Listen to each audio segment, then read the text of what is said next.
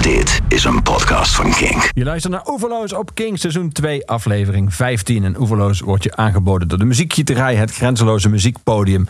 Mijn gast vandaag hier in Oeverloos is muzikant Ruud Houweling. Ruud, welkom. Hallo, dankjewel.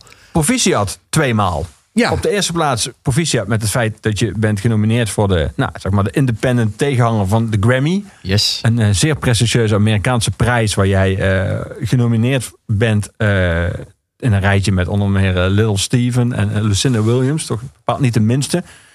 Mm, Eh, en wordt beoordeeld eigenlijk door een jury waar een van jouw grote helden in zit. zeker, Tom Waits. Ja, ja, ja. Dat is wel heel cool. En ten tweede gefeliciteerd met het feit dat je met eh, jouw nummer Before I'm Leaving eh, het aantal Spotify streams van 1 miljoen ja hebt aangetikt. overschreden. Overschreden ja, inmiddels ja, zelfs. Ja. ja, daar ben ik ook heel blij mee. Dat snap is- ik. En dat is 1 euro per stream, toch?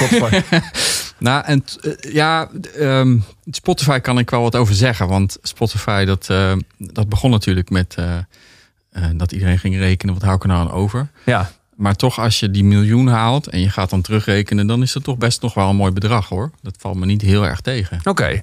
Nou, laten we daar meteen nog een gullig gift aan toevoegen. Ik ga meteen draaien. Dat nummer, jouw One Million Song. Dank je. Before I'm Leaving van Ruud.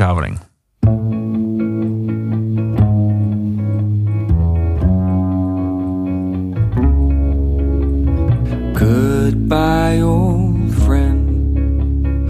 Hope I will see you again, someplace, sometime. You know how it is when feels like the day never ends until you find times I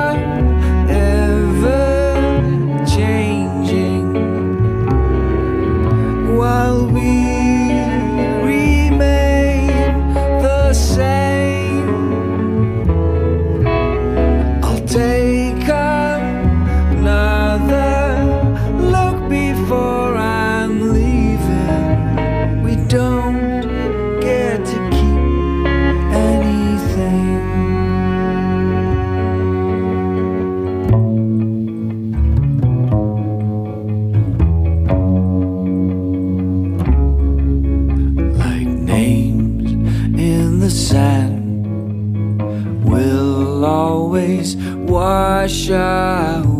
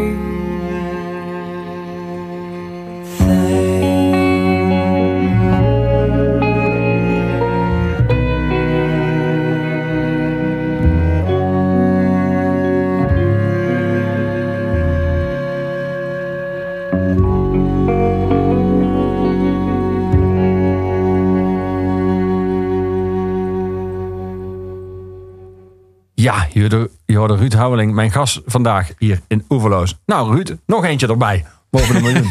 maar hoe, kom, hoe, hoe- heb je daar een verklaring voor? Want hij, hij piekt Ja. ook enorm in jou. eh, Nee, dat, dat is puur omdat de redactie hem uitgekozen heeft en hem in een eh, lijst, in een, in een playlist heeft gezet, een editorial playlist van Spotify. En ehm, het is een playlist waar die op zaterdag altijd op de voorpagina staat.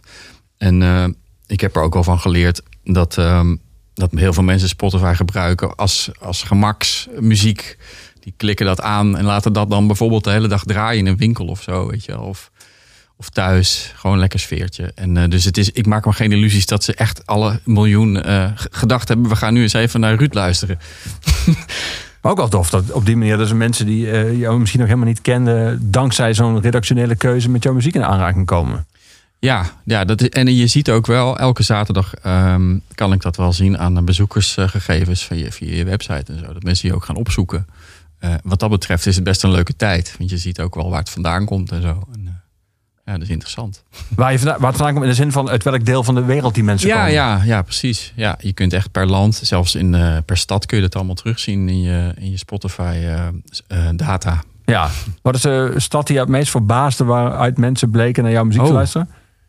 Ja, dat zijn toch dingen. eh, ehm, niet, niet meteen deze track, maar ik heb bijvoorbeeld de allereerste of de tweede CD eigenlijk van Cloud Machine. Die eh, eh, was ja, mijn vorige band. vorige band, ja. Die, eh, die wordt heel veel nog steeds gedraaid in, in Mexico. Wat ik heel bijzonder vind. Maar ik hoorde dat daar stevige rock heel erg eh, eh, het goed doet. En ehm, ik heb die ooit wel eens een keer gratis aangeboden toen, toen streaming er nog niet was.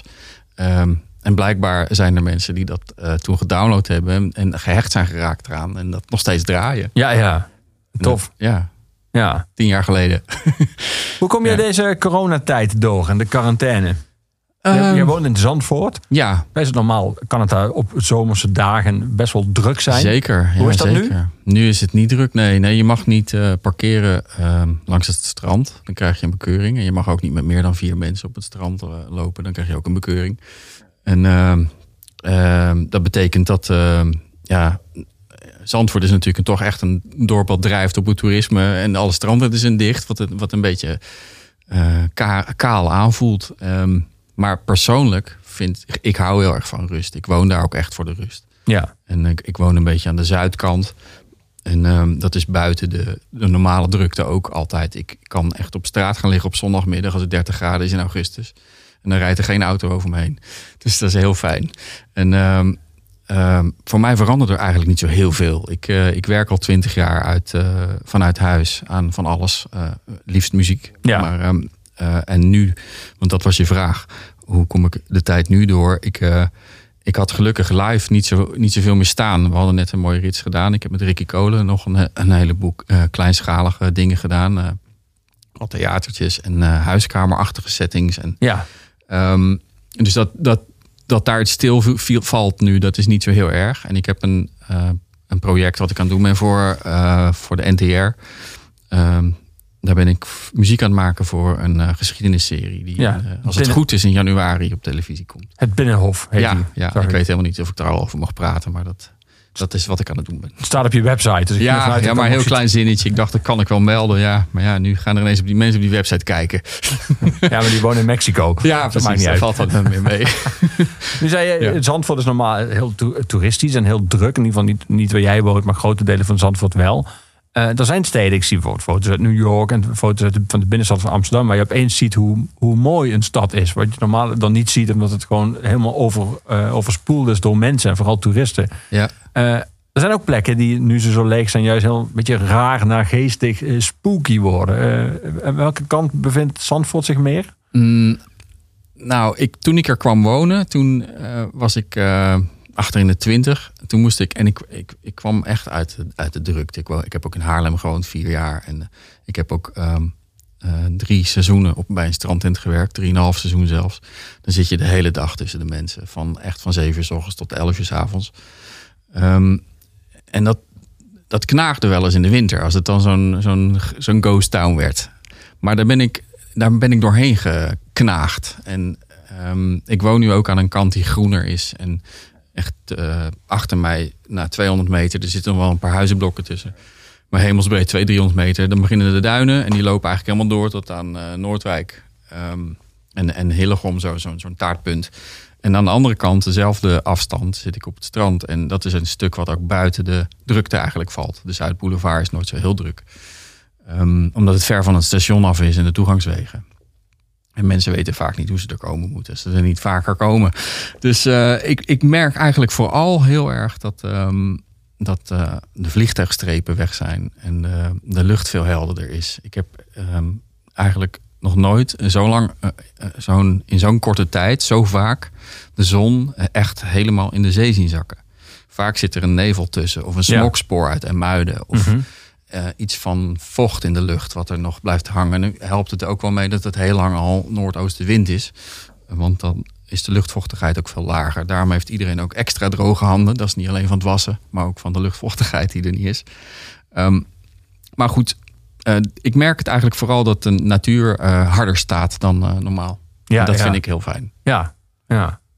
Ik vroeg jou eh, in aanloop naar, eh, naar deze uitzending en deze podcast... eh, of er muziek is waar jij nu meer naar luistert. Eh, Muziek die op de een of andere manier met jou met de quarantaine is verbonden. En toen noemde je Madison Cunningham. Ja. Is heel jong, is 21. Ja. beïnvloed door, door de grote, door Bob Dylan en andere singer-songwriters. Ehm, hoe, hoe ken je haar? Hoe heb je haar leren kennen aan muziek? Ik zag een, een, een video eh, van Wouter, op Wouter Plantijd, eh gitarist. Ja. Eh, zijn Facebookpagina, die had een live clipje van, ik denk ook het liedje wat je wilt draaien, hoop ja, ik. Something to Believe. Ja, precies. En, ehm, en ik was daar zo door gegrepen meteen. Ik vond het, alles was raak, niks te veel. Melodie goed, gitaarspel goed, soundje goed, net een randje. En als je dan de plaat ook hoort, het is ook echt heel goed geproduceerd. Ik vind die stem heel mooi klinken. En ehm, ja, ik, ik was. Ik heb niet zo heel vaak. Ik heb één keer in de twee, drie jaar dat, dat dan één liedje van iets echt ineens helemaal bij je binnenkomt. En dat was dit liedje. Ja, we gaan naar luisteren. Madison Cunningham met Something to Believe in.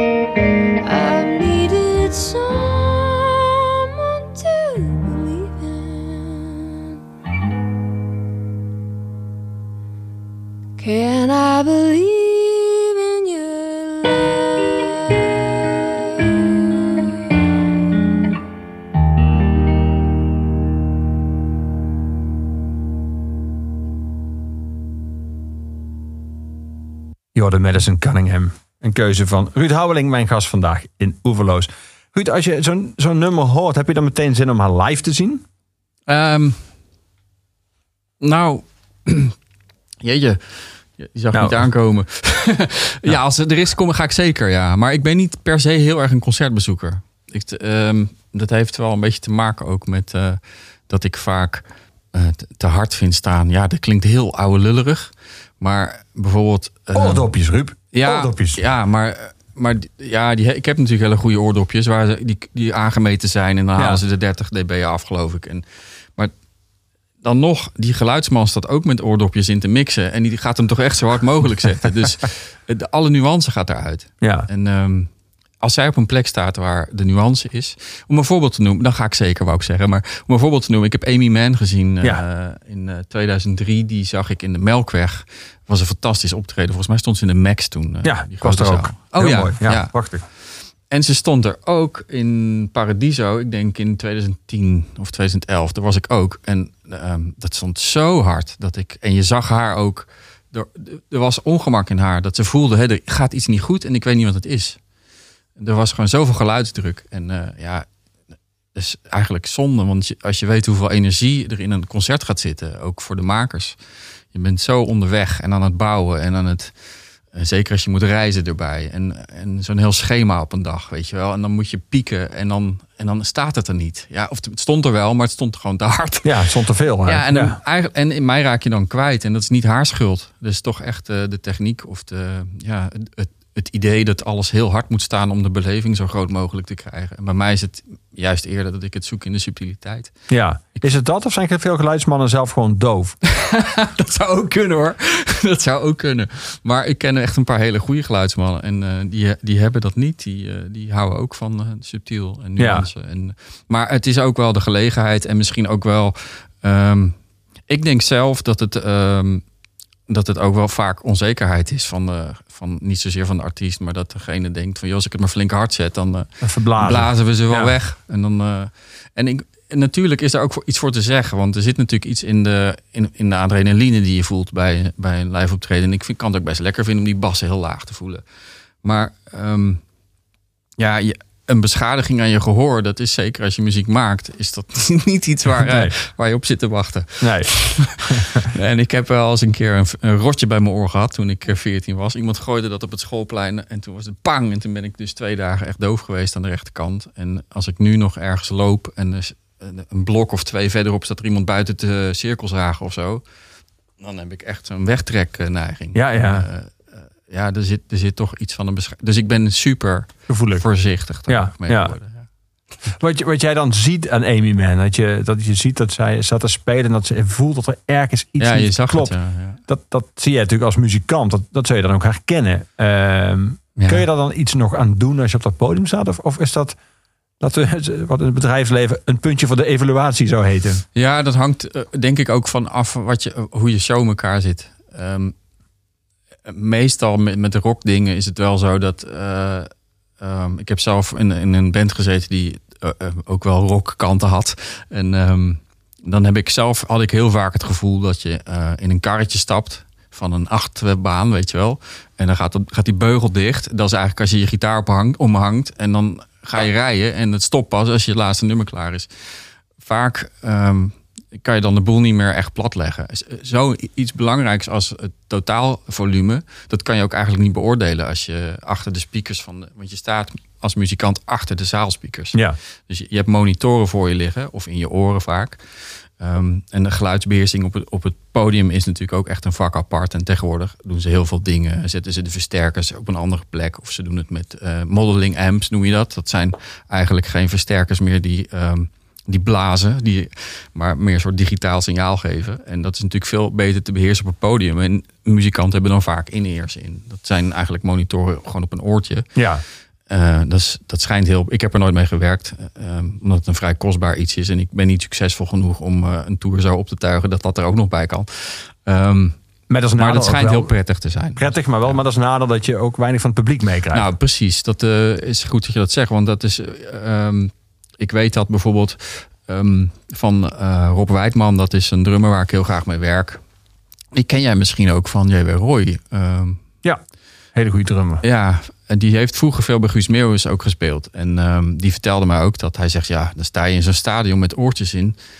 En het is natuurlijk ongelooflijk, maar eigenlijk krijg je er heel weinig van mee. Dus eh, het isoleert je ook in je, in je eigen hoofd of zo. Dus, Ja. Mm, maar terug naar je vraag. Je kunt denk ik, ehm, als je staat te spelen, voel je wel dat er iets niet, dat je, dat je ergens iets de, de, de vinger niet achter krijgt. En dan weet je niet precies wat het is. En het is heel, natuurlijk heel raar om te zeggen, jongens, eh even zetten het eens wat zachter. Dat is natuurlijk dat is killing voor je uitstraling. Ja, denk ik. ja. We gaan muziek draaien. Ik wil een nummer eh, draaien van het, het komende nieuwe album van eh, de geweldige band American Aquarium. Die hebben vier Ah. nummers nu al laten horen die het album voorafgaan, dat op 1 mei verschijnt. Eh, de zanger van eh, American Aquarium post ook bijna elke dag een cover van, van een andere artiest. Heel tof, van John Prine tot de Killers en alle kanten op. En altijd op zijn hele eigen manier. Maar dit is het laatste nieuwe nummer dat ze hebben gereleased ter aankondiging van het album. Dat is prachtig, opnieuw. Het heet Six Years Come September. Hier is American Aquarium.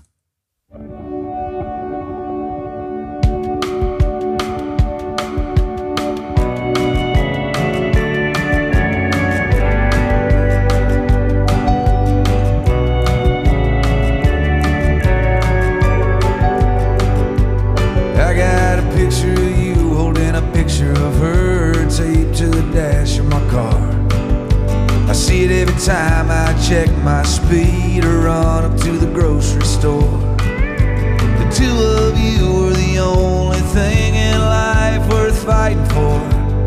But since you've been gone, I ain't been much for fighting anymore. These days things don't come easy.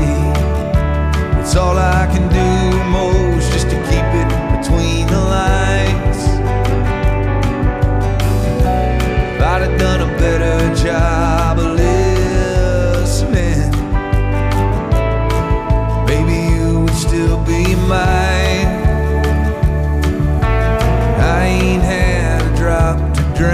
since the day that you left me. Six years come September, I've been cursed with this clarity. I just stare in the mirror, yelling at a stranger looking back at me. And the ghost of the man I could have been still haunts all my dreams.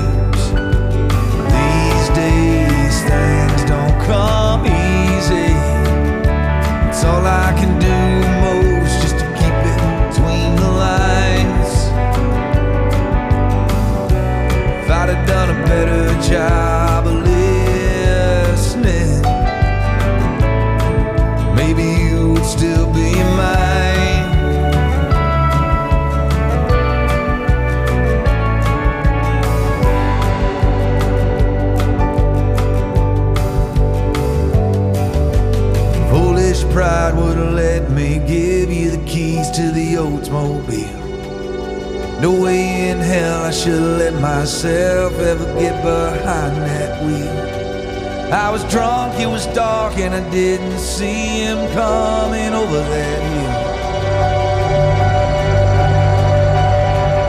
I regretted it then, I regret it now, and I guess I always will. These days things don't come. It's all I can do most just to keep it between the lines. If I'd have done a better job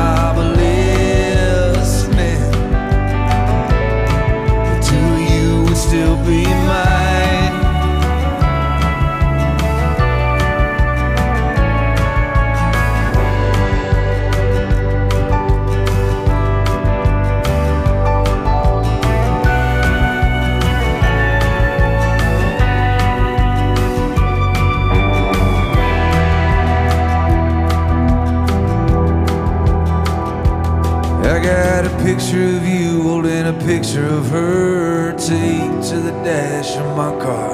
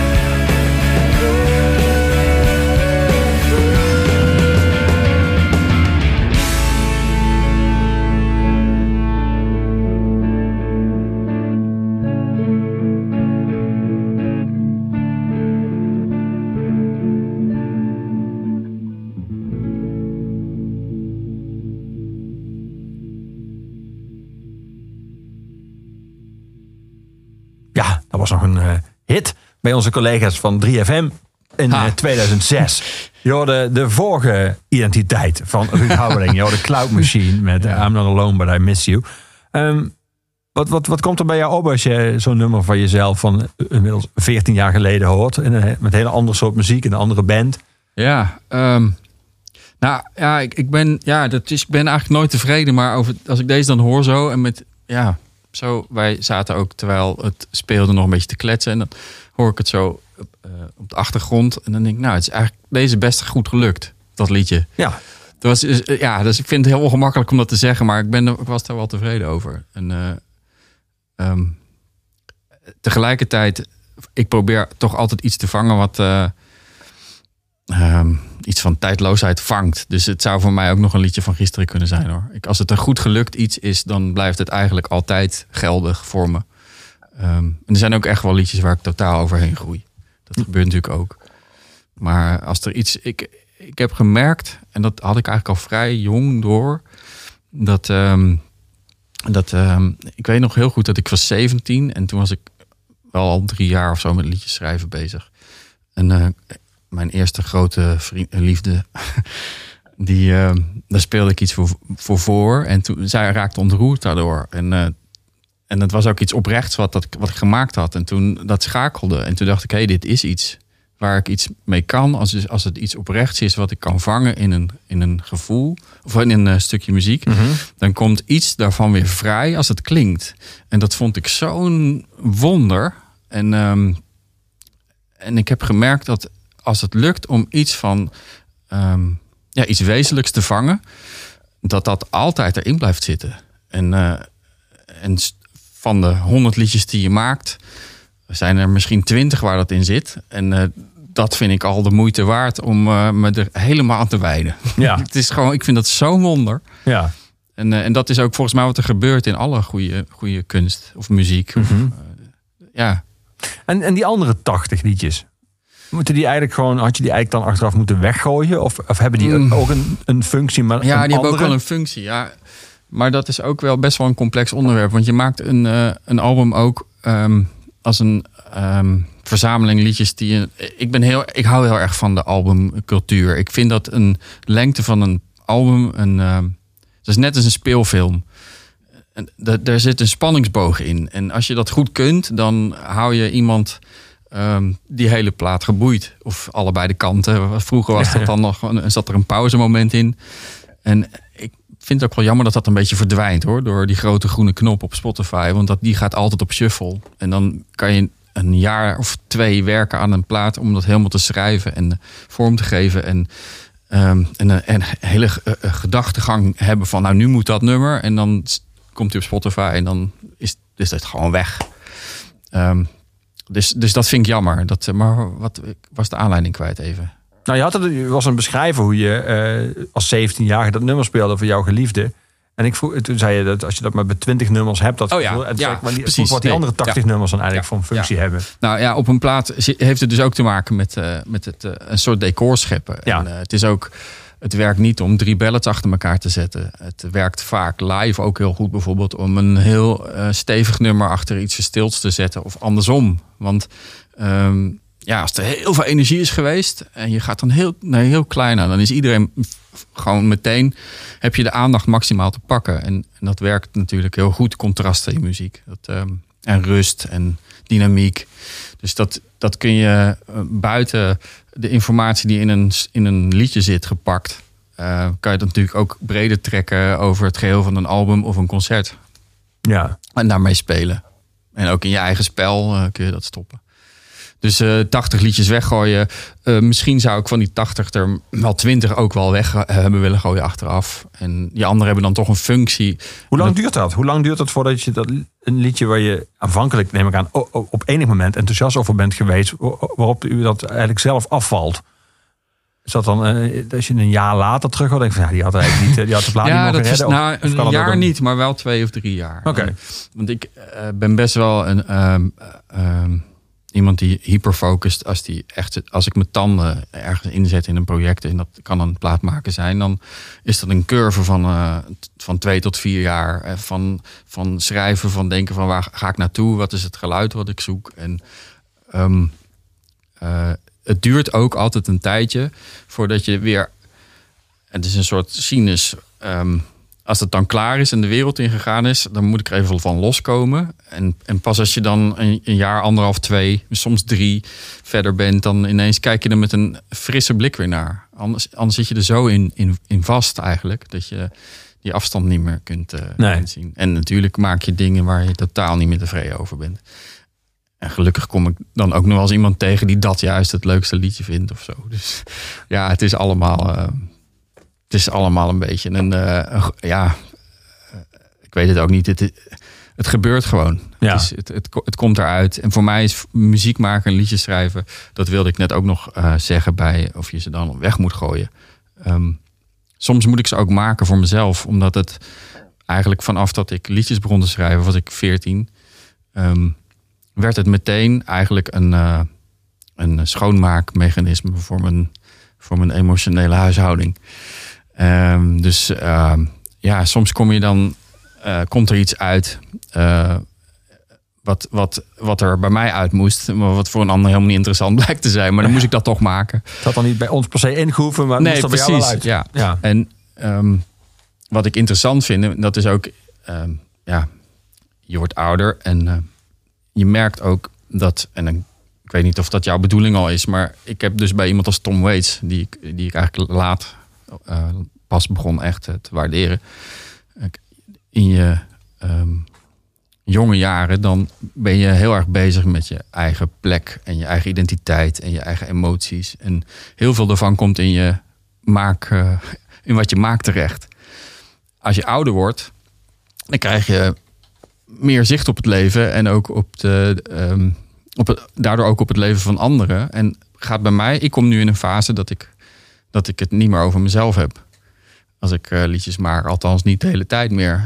Ehm, en en dat, dat, is wel een, dat geeft wel een soort verdieping die ik prettig vind. Ik merk dat dat, dat door de afstand kan je een genuanceerder ehm, eh, dingen maken. En voorheen, als er emotie bij mij was, dan, moest het, dan knalde het ook. Weet je, dat was gewoon, dat was gewoon onhoudbaar. En nu is er, zit er ruimte tussen. En, dat- en dat maakt dat ik, ehm, ja, dat ik andere dingen maak dan vroeger. Ja. Ja. Andere teksten, maar ook daarmee andere muziek. Ja, ook wel, ehm, ook wel minder heftige muziek, ja. Ja. Ja. Ja, ik kan nog steeds heel erg van die contrasten houden hoor. En, en van, eh, van luide dingen ook. En scheurende gitaren en harde drums. Maar eh, het moet wel een functie hebben. Niet, niet alleen maar om het. eh, het is meer. Ik weet nu wat het palet is. En vroeger eh, was het een soort spontaan palet of zo. En ik oh, dat kan ik allemaal gebruiken. En vroeger eh, was het een soort eh, noodzaak om het in te zetten. Omdat dat het gevoel was wat het opriep. En dan was dat het geluid wat erbij uitkwam. En nu, nu zie ik het meer als een soort ja, als een palet met verf en kwasten. En ik pak een dikke of een dunne kwast. En pak ik zwart of wit of een mooie vage kleur of zo. Ja. Nu, je noemde zijn naam al, eh, Tom Waits. Eh, ik zei al, je bent gen- genomineerd voor de eh, Independent Music Awards in, in Amerika. Een zeer prestigieuze prijs. Een van de juryleden, naast onder meer Ziggy Marley en Modest Mouse, is Tom Waits. Ja, Dat betekent dat iemand die heel belangrijk is geweest voor jouw muzikale ontwikkeling, jouw muziek gaat luisteren dat zou kunnen. en beoordelen. Dat zou ik, ik weet niet zeker of hij, dat, of, die, of, die, of die ook daadwerkelijk mijn dingen langs krijgt. Want er zijn eh, iets van 100 categorieën. Dus ik, ik weet niet of alle mensen alles te horen krijgen. Maar ik zit in principe natuurlijk wel een beetje in die hoek. Ja, Dus ik zou dat wel heel leuk vinden. dat is wel aannemelijk dat hij. eh, Ja. Ook Tom Waits zit in quarantaine, dus hij heeft best tijd om veel te luisteren. Maar ehm, ja, ik, ik ben goud eerlijk. Dus ik vind het heel moeilijk om er omheen te kletsen. Maar ik, ik weet dat hij alles wat geluisterd heeft. Dus, ehm, en ehm, ja, dus eh, ik, ik vind het natuurlijk te gek dat dat, als dat gebeurt. En ik vind het ook heel leuk als ik die eh award eh, mag winnen. Maar ehm, ja, ik, ik weet niet. Ik, hè, nu ga ik stotteren, joh. er zit een heel verhaal voor, maar dat Vertel. is vrij lang. Geef je het programma heet Oeverloos. Ja, oké. Nou ja, ik heb al een plaat met Cloud Machine opgenomen in, met, met zijn technicus. En, eh, en, en mijn voorlaatste. eh, eh, nou, voor de EP zat een album dat heet Erasing Mountains. En dat heb ik ook met diezelfde technicus erop opgenomen. Ehm, ook omdat ik heel erg geloof in ehm, eh, relaties onderhouden. En als je, als je op een bepaald kwaliteitspunt zit, dan ontwikkel je je met zo iemand samen ook weer. En ik durf nu meer met hem dan ik de eerste keer durfde. Dus de volgende keer, en ik hoop dat dat nog een keer gebeurt, kan ik het nog meer, weet je wel, eh, inzetten om iets te maken waar ik hoop iets. eh, nou ja, je begrijpt het. Ik begrijp het. Ehm, goed, dus, eh, dus ik was al in ehm, Californië eh, geweest twee keer. En de tweede keer was ik daar met voornoemde Rob Wijdman, de drummer. En toen hebben we daar, ehm, als we klaar waren met mixen, reden we rond. En toen hebben we, stonden we uiteindelijk vlakbij zijn huis. Eh, Rob was daar geweest. Ik wilde dat huis niet zien. Ehm, omdat ik dacht, hij moet een mysterie blijven.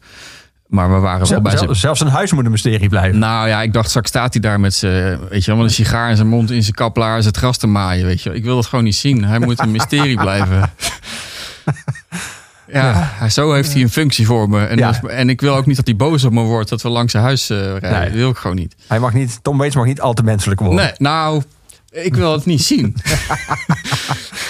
Ehm, eh, maar goed, dus ik, maar ik kon het niet laten om één liedje daarachter te laten. En, ehm, Hoe dan? nou, we hadden de mix net klaar. En ik had gevraagd aan Os. Ik had namelijk dat idee al een beetje van... nou, als er een brieven bestaat, dan laat ik dat achter. Ik denk, laat ik het liedje wat ik het mooist vind, laat ik erachter.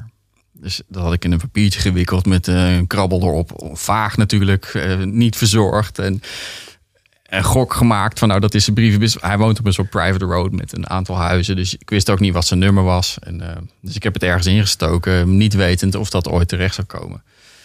Maar dat liedje, dat, dat, ehm, dat, dat had een verhaal. Dat hoort bij een, een, verhaal wat in Zandvoort speelde. En, ehm, en toen ik thuis kwam, toen kreeg ik eigenlijk pas de, het plot van het verhaal. Of de plot moet je geloof ik zeggen. ehm, kwam pas rond. En ik dacht, ja, nou heb ik dan dat liedje gestuurd. Maar eigenlijk weet hij helemaal niet het hele verhaal. Dus dat heb ik hem nog nagestuurd. Want inmiddels wist ik wel het huisnummer. Het bleek het goede ook. Het bleek, het goede. En kreeg potverdorie drie maanden later gewoon een handgeschreven briefje terug van hem. Echt fantastisch. Ja, Wow. ja dat was echt heel mooi. Dus eh, dat, dat was dat. En toen dacht ik, ik kan nu vredig sterven. Ja, heb, heb je gelukkig niet gedaan. Nee, maar nee, nee, ik wil het snap- ook niet hoor. Ik wil wel honderd worden. ja. Ja. Maar dat, was, dat heeft wel, ehm, heeft wel iets gedaan voor me, ja. Ja. Ja. Ik neem aan dat briefje van Tom Waits handgeschreven wel eh, dat het ingelijst ergens aan jouw huis hangt. Nou, ik heb het heel goed opgeborgen. Iemand zei tegen mij, als je hem inlijst, dan heb je kans dat het licht, eh, die inkt... eh, dus ik ben nog aan het dubben of ik dat doe. maar ik ben, ik ben daar heel zuinig op, ja. Ja. We gaan iets van hem draaien van het album Real Gone uit 2004. Oh, te gek. How is that rag? Ehm, je, zei net in je inleiding toen je over hem begon dat hij dat je ook anders eh, zelf anders muziek bent gaan maken. En dat refereerde je aan hem. Eh, dat je andere manier van tekst hebt geschreven, andere minder vanuit jezelf, meer vanuit andere, andere perspectieven. Wat, wat is de relatie daartussen en, en Tom Waits? Ehm, nou, hij heeft bijna in al zijn liedjes is hij een personage. En eh, hij, hij schreef ook ergens, of zei een keer in een interview, ehm, dat voor hem ehm, popliedjes, het zijn niet de exacte woorden, maar de strekking was ongeveer dat, ehm, dat het, dat het eh, audiofilms zijn eigenlijk. Het eh, soort geluids eh, speelfilmpjes Ja. van een minuut of drie, vier. En ja, dat vind ik een hele leuke manier om naar popliedjes te kijken. Maar ik vind bij hem Kijk, het lastig van een goed liedje schrijven is dat je, je, hebt, het, je hebt een melodie en je hebt een aantal lettergrepen wat past in die melodie. En een aantal regels die is lang. eh, De spanningsboog van, van zo'n liedje, dat, daar zit een eind aan. Ehm, Nee joh, Paradise by the Dashboard Light. ja, Bohemian of die nieuwe van Bob Dylan, joh. Ja, 16 minuten. Oei, oei, oei. Maar ja, dat is natuurlijk wel iets. Dat zijn wel de uitzonderingen. Klopt. Dus je hebt eigenlijk heel beperkte ruimte binnen die lettergrepen om een verhaal te vertellen. En hij kan dus met heel weinig tekst een ongelofelijke wereld scheppen die heel veel diepte heeft. Met, met een zinnetje. Ehm, ik moet nou denken aan All the World is Green. Daar zegt hij iets van. ehm,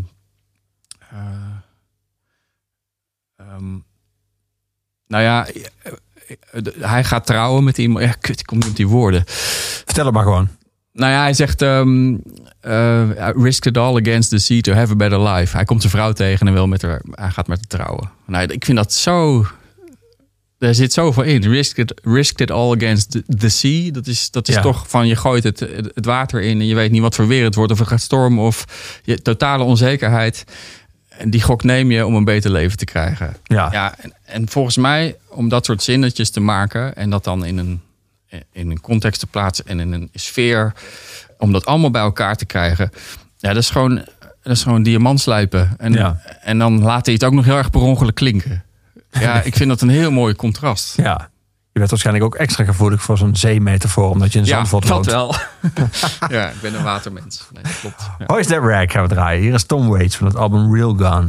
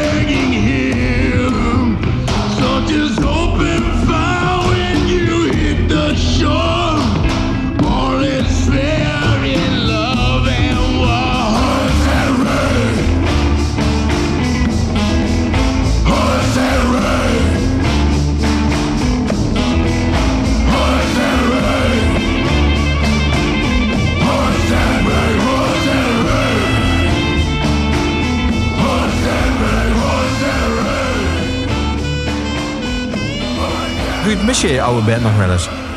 Ehm, nee. Dat, was, voor- dat was klaar. Ja, ja, dat was wel klaar. Ja. De, en ehm, ook dat heeft veel kanten. Ehm, de belangrijkste is eigenlijk dat,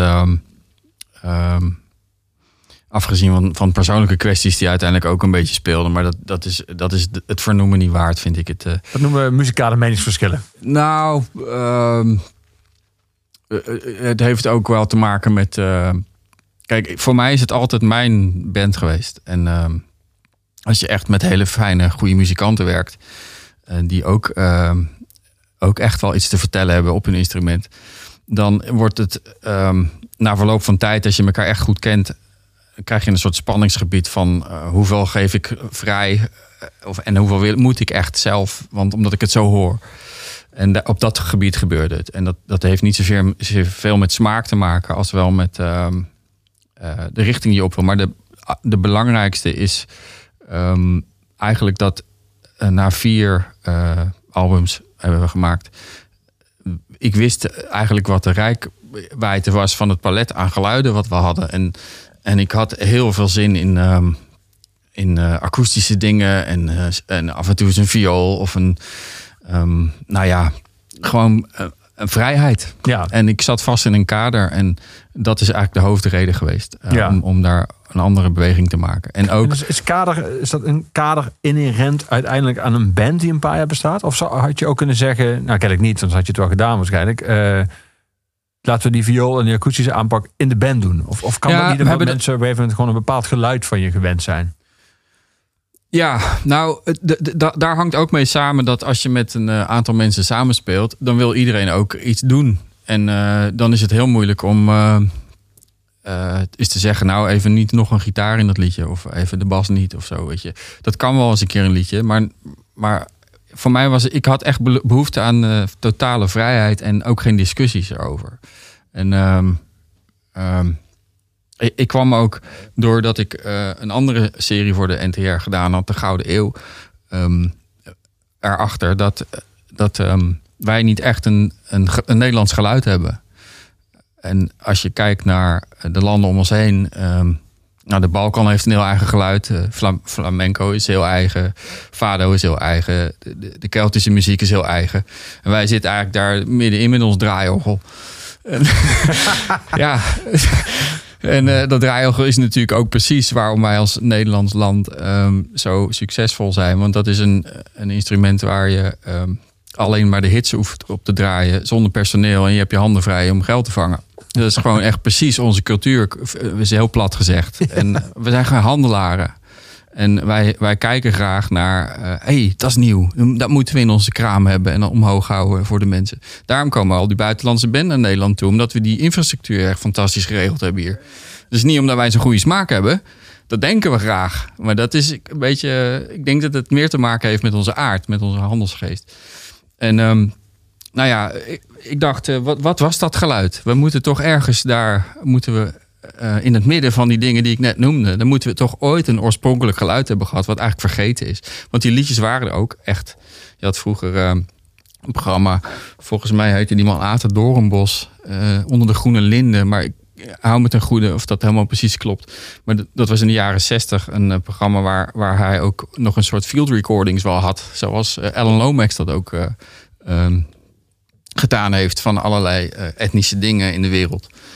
En ehm, ja, dus het was er wel, maar het is gewoon verloren geraakt omdat we andere interesses hebben in de markt. Dat snap ik ook wel. Ja. Maar ik was heel erg benieuwd, hoe klinken wij dan eigenlijk? En dus na Cloud Machine dacht ik, daar ga ik me op richten. En ehm, ik heb eigenlijk uit al die, al die landen die ik net noemde een element gepakt. En daar mijn eigen... Ik had natuurlijk eigenlijk eh, daarmee eh, die vrijheid die ik zocht. Ik kon alles maken wat ik wilde. Maar ik dacht wel, we moeten een heel klein beetje... Een heel klein beetje de harmonie en de fanfare erin hebben. En een heel klein beetje ehm, een worksong. Of eh, weet je wel, dat moet gewoon, want we hebben ook gewoon op het veld staan werken. En een riet staan eh, en, en, en plaggen staan trekken om turf te steken. En nou ja, noem het allemaal op. Dus we hadden het. En eh, ik, ik, was, ik ben nog steeds benieuwd naar, naar, naar dat eigen geluid. En ehm, niet, niet als een soort eh, museum eh, gedachte, maar meer waar, hoe zou het nu kunnen klinken als we daar een levende traditie hadden gehad die door de eeuwen heen net zo was doorgegroeid als bij de flamenco en de andere dingen die ik net noemde. Ja. Ehm, en daar, op dat spoor zit ik nu en daar wil ik ook op door. En er kan ook heus elektronica bij, maar, maar ja, ik, ik denk altijd, waar moeten we iets uit een ander land nadoen? Weet je wel, we hebben toch, wat is, wat is mijn identiteit? Wat is, ja, ik, daar, dat fascineert me. En hoe dichter het bij mij ligt, en hoe dichter het bij de voeten in het zand of in het veen, waar ik ook heel lang in gewoond heb, Ja. des te echter is het. En ja, nou ja, dat, dat is wat me boeit. En dat, Ja. dat, is, eh, dat is waar ik mee door wil. Het is ook het volgende project. Ik heb de laatste plaat nog wel. Dus voor die, die EP waar we het net over hadden. Dat was de eerste plaat die ik dus maakte na Cloud Machine. Ehm, die was nog wel in het Engels. En toen kreeg ik eh, de terechte vraag van heel veel mensen. Ja, maar eh, als dat het verhaal erachter is, waarom dan niet in het Nederlands? Ja. En eh, mijn vriendin die zit echt al twee jaar tegen me aan te porren om de zoveel tijd. Van, eh, joh, maar doe nou gewoon eens, één in het Nederlands. Kijk wat er gebeurt. En ik denk tegelijk, nee, als ik dat ga doen, dan doe ik het gelijk een hele plaat. En daar moet ik moed voor verzamelen. En, en dan wil ik dat het een bepaald niveau haalt. En als het dat niet haalt, dan doe ik het niet. En ik, ik heb echt, nou ja, vanaf mijn veertiende in het Engels geschreven. En daar ook echt heel erg werk van gemaakt. En ehm, ik vind het ook moeilijk om dat op te geven. En, en nu met zo'n award denk ik, ja, eh, straks gaat er toch iets gebeuren, weet je wel. Dan, nou, dan misschien toch weer Engels. Dus het is, het is nog een spannend eh, gebied, maar ik, ik denk dat de kans groot is dat de volgende plaat een Nederlandstalige wordt. Ja. Maar grappig dat je er meteen dan over zegt dat dat zou betekenen dat je het Engels opgeeft. Je kan natuurlijk ook gewoon een Nederlandse plaat maken en Ja. weer. Of, of zie je dat meteen als iets onomkeerbaars? Nou, eh, ja, ik weet niet. Het, kijk, ik ben me heel erg bewust van de sterfelijkheid van de mens. En eh, het duurt altijd vier jaar. Tussen de twee en vier jaar voordat ik er weer een maak. Dus, eh, en alles gaat dan helemaal daarop. Dus hoe het over vier jaar is, weet ik niet. Nee. Maar gezien jouw voornemen om 100 te worden. Ja, dat hoop ik wel. Plaat of 10 in het Nederlands maken en dan gewoon weer naar het Engels terug. Maar ik, ik, weet je, ik was vorig jaar in Engeland en eh, waar, ik- waar ik heel graag kom. En ik stak de straat over en ik was een beetje moe. En, eh, en als iemand niet eh, zijn aandacht verliest, dan ben ik het. En toch was ik in een fractie van een seconde vergeten dat ze daar aan de andere kant rijden. Dus ik keek de verkeerde kant op. En ik had al een stap op de weg gezet. En, en ik voelde de wind van een auto die gewoon met 60, 70 langs reed. Dus ik dacht wel van ja, weet je, zo stom kan het gaan. Dus ehm, Ja. ja. Ik, eh, ik, ben heel, ik, ben, ik vind het leven echt een enorm wonder. En eh, ehm, ik geniet daar ook echt met volle teugen van. En eh, ik weet het niet. Het, het is, ik vind het. ehm, ik ben ook onwijs blij dat ik dit kan doen, joh. Dat, we zien het wel. Als Ja. het, als het, Ben je al aan het schrijven ja, ja, ik heb net de eerste tekst af. Oké. Ja. En, en ik heb wel een heleboel eh, ehm, muzikale ideeën. Wat ik vaak doe, tegenwoordig kan dat met een iPhone heel makkelijk. Ik verzamel spelend op de bank. Ik heb heel vaak s'nachts. En dan denk ik, ah, ik ga, nu ga ik naar bed. En dan denk ik, nou, heel even mijn gitaar.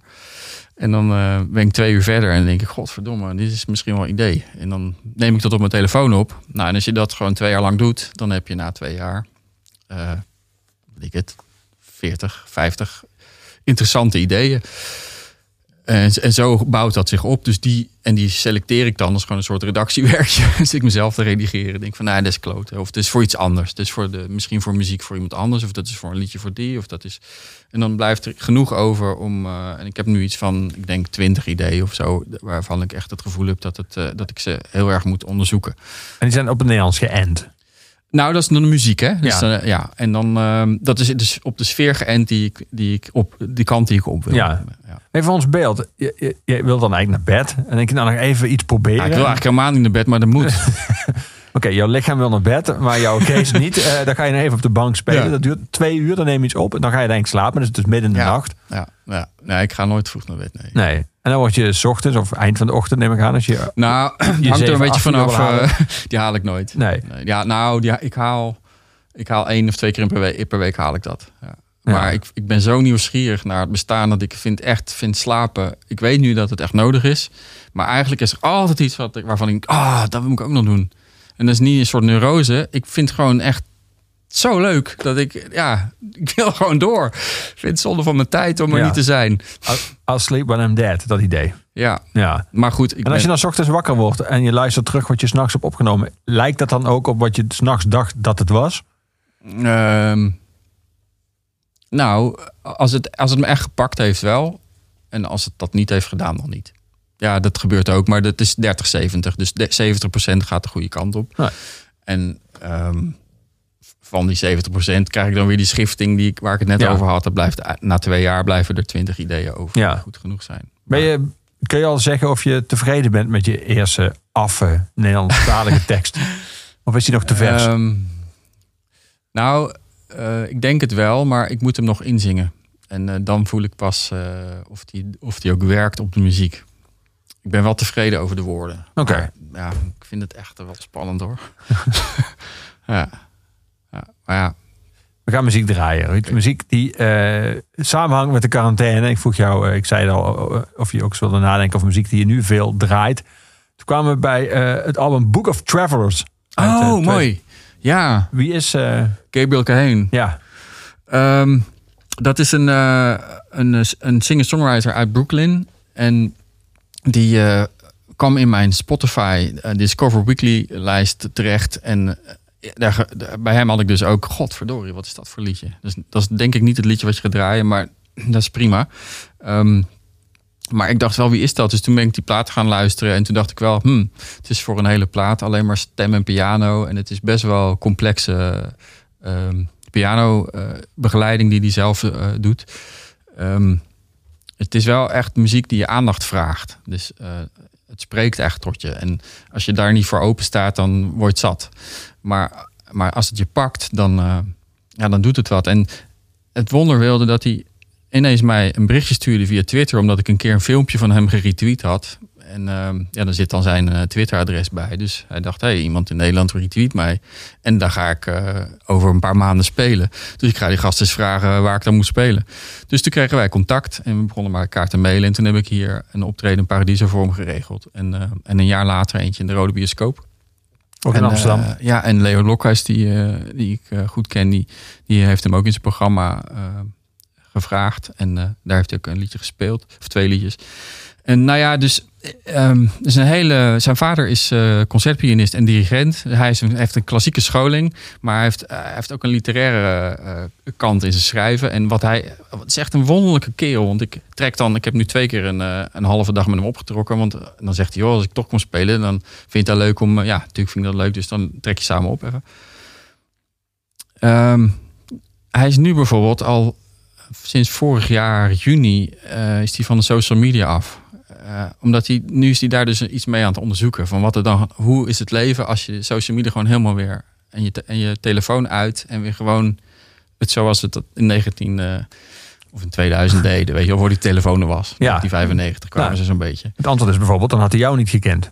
Nee, precies. Dus hij heeft allerlei eh, dingen komt hij tegen. Eh, ook dingen als de weg niet meer kunnen vinden. Want niemand weet nog. waar- Er staan bijna geen kaarten meer in de stad. Of niemand, bij een pompstation heb je ze niet meer. Je, moet- dan moet je mensen dus gaan vragen. Hoe kom ik van eh, het station naar die popzaal? Waar Hij is eigenlijk radicaal analoog weer gaan leven. ja, maar dat doet hij dus. Dat doet hij puur omdat hij dat aan het onderzoeken is. Voor, voor, voor zijn teksten voor zijn volgende plaat. En de vorige plaat, waar jij nu iets over van gaat draaien. Book of Travelers. Ja, dat is omdat hij de dag nadat Trump verkozen was, is hij in de trein gestapt. Is hij twee weken door Amerika gaan reizen om de, om de thermometer in de kont van Amerika te steken en te horen wat, eh, wat de verhalen waren. ja. Ja, het is gewoon slim. Het is goed, hij heeft een goed verhaal.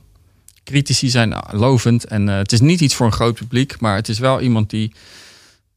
Ja, dat is gewoon echt. Het is gewoon, ik vind het echt een kunstenaar. Ja, we gaan nummer draaien dat hij tijdens die reis eh, schreef. en vernoemd naar de plek waar hij uitkomt. Baltimore.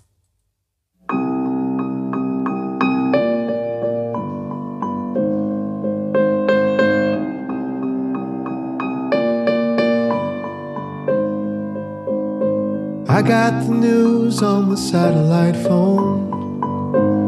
Jason, come home. Jason, dear. I heard it on the forest floor. Six years of backcountry trails to the lake. Machete and snake. Machete, I learned to cradle in the old state park. Roosevelt 33, he had a plan for every young man. Give him an axe and a seed, give him a pack and a tree. Teach him to care for himself, give him fresh air for his health. Send money back to family, back to Baltimore. The tall boy convenience store. The indifferent, the endless war. And I know what that is, and I don't need it anymore. But I have to go home. Luke was the son of some well to do folk. My family was broke, but we became friends. The parking lot, the chewed up field. I started in the park just as he was going in. Hard eight to ten for selling to kids. My mama worked the county jail. Roosevelt's tree army under the sun. The work would be done while America blared by the green of the rich. The boys planted trees and found God in the pitch. They stared at the sign Is it that I'm nervous to be going back? Back to Baltimore? The tall boy convenience store. The indifferent, the endless war. And I know what that is, and I know what that is, and I don't need it anymore. But I have to go home. Luke, I guess, got himself into a fight. Took him to the infirmary later that night. Nothing serious, sure, but next morning he died. Then the satellite phone with the crew, which meant I didn't cry.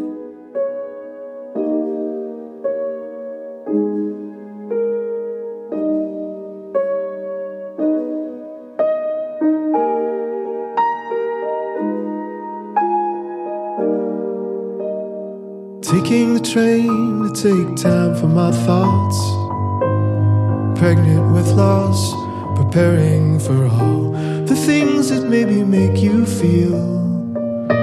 I pay my respects and then I'll take a walk. The neighborhood block, and then I will leave. Oh, heel abrupt. Nu ga ik een hele subtiele V doen. Mooi hoor. Ja, mooi hè? Ja. Hij heeft dus twee keer in Nederland gespeeld. Eén keer in het Paradiso en één keer in de Oh ja, en, ook in het paard in, eh, in Den Haag. In die keer, die, het jaar daarvoor, dus dat hij in Paradis speelde, speelde hij twee keer. Ja. En ook mooi live dus. Ja, fantastisch. In de Rode Bioscoop was het... eh, hij was heel erg last minute en we konden daar nog eh, terecht. En ik denk dat het 30 man was of zo. En dat iedereen was te- ja, gewoon helemaal in awe van die man. Het was, was heel verstild en ja, echt gewoon indrukwekkend. Een soort eh, ehm, verstilling die, dan, eh, die je dan met z'n allen voelt. En, en dat zijn... ehm, ja, ik vind het altijd het mooiste met live spelen. Zelf maak ik dat gelukkig ook af en toe eens mee. Dat, dat dan, dan, dan ben je bezig en dan krijg je een soort collectieve energie. En ja, dus als je dan, en dan ben je zelf weg. Hè? Ik bedoel, je bent er natuurlijk wel. Dat klinkt anders een beetje zweverig. Maar eigenlijk zit er geen doener meer tussen. Dat is een soort zen. eh, en dan gebeurt dat eh, in mijn eh, beleving. Ja. Ehm, en dat is echt gaaf. Staat dat dermate bij de gratie van eh, met een groep mensen, dus de muzikant aan de ene kant en het publiek aan de andere kant samen in één ruimte zijn, eh, dat het moeilijk is om dat nu met alle alternatieven in deze tijd, zonder eh, dat we fysiek naar een zaal kunnen, is te benaderen. Al die streaming shows waar artiesten vanuit een woonkamer spelen, er zitten prachtige dingen tussen, maar je mist Ja. heel erg. Je, bedoel, je kan toch op je icoontje drukken dat je virtueel aan het klappen bent. Dan zie je dat op het scherm oppoppen. Maar, het, het Ja. gevoel- zeg maar dat je degene naast je Ja. wilt slikken, dat, dat, dat eh, ontbreekt. En, ja, en, eh, en ook toch de. Ik denk ook. Ik heb het zelf nog niet gedaan. Ze hebben me wel gevraagd om, om twee eh, liedjes op te nemen voor die eh, Independent Music Awards. En dat dan te sturen voor hun. Maar dat is niet live. Dat kan ik gewoon voorbereiden thuis. En ik, ook dat vind ik al gek. Ehm, maar ik sprak Jaap Boot, eh, oude 3 voor 12 eh, presentator of Club Lek was dat vroeger geloof ik nog. Ja. Ehm, en met collega hem- muzikant ja, zeker. Met hem speel ik ook af en toe.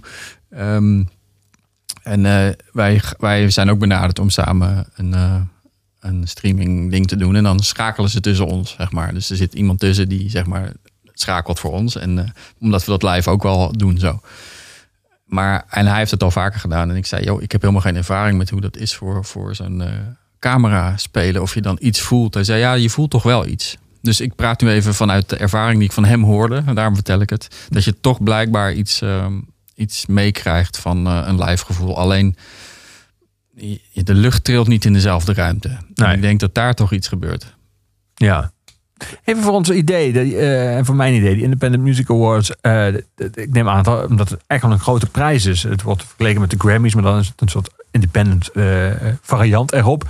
Dat is normaal, neem ik aan, gewoon een, een fysieke Ja, eh, dag of avond. een uitreikingsdag. Ja, Met een rode de- loper ja. en alles wat er mensen achter, eh, camera's achter hekken en alles wat erbij hoort. Ja, en zo'n muur waar dan iedereen een foto voor staat te maken met alle logo's erachter. Precies. Neem aan dat jij al een pak besteld had om aan te doen. eh. Nee, nee, want toen was corona al gaande.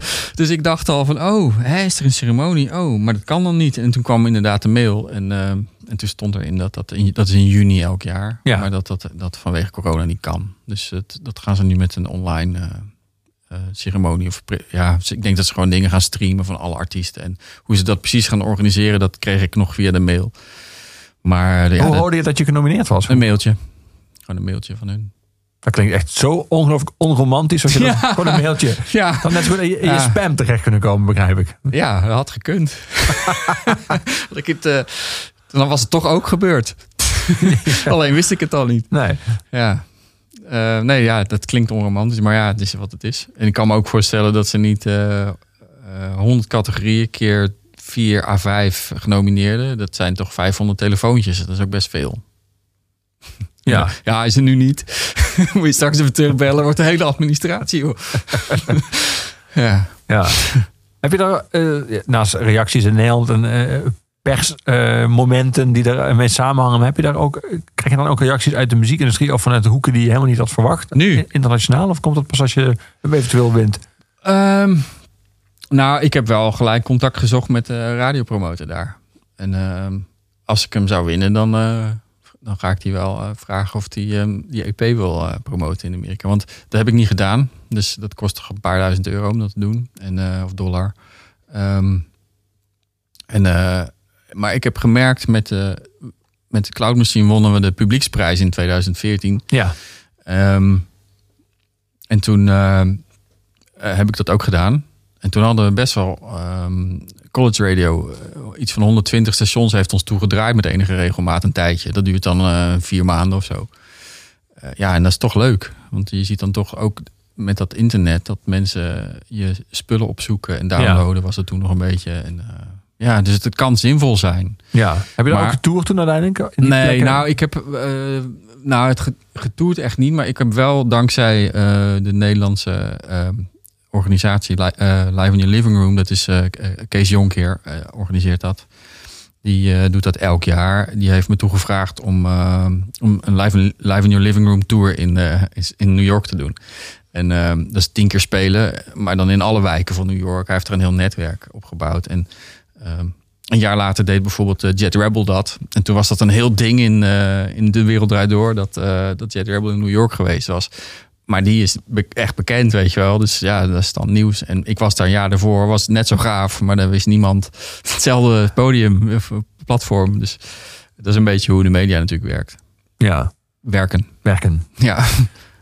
We gaan muziek draaien. Eh, Ruud, ik ga een nummer draaien van een artiest die ik eh, deze week eh, twee keer had willen zien. Maar ja, het ging helaas niet door. Hij zou een Ah. meneer Frits spelen afgelopen maandag in Eindhoven. En afgelopen donderdag in Tivoli Vredenburg.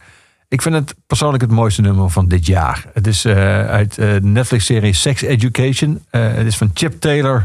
Het is onvoorstelbaar mooie tekst. Niet van hemzelf overigens, maar ook prachtig gezongen. En het mooie in Chip Taylor is dat je hem niet alleen hoort zingen, maar je hoort hem ook ademen. Hier is Chip Taylor met On the Radio.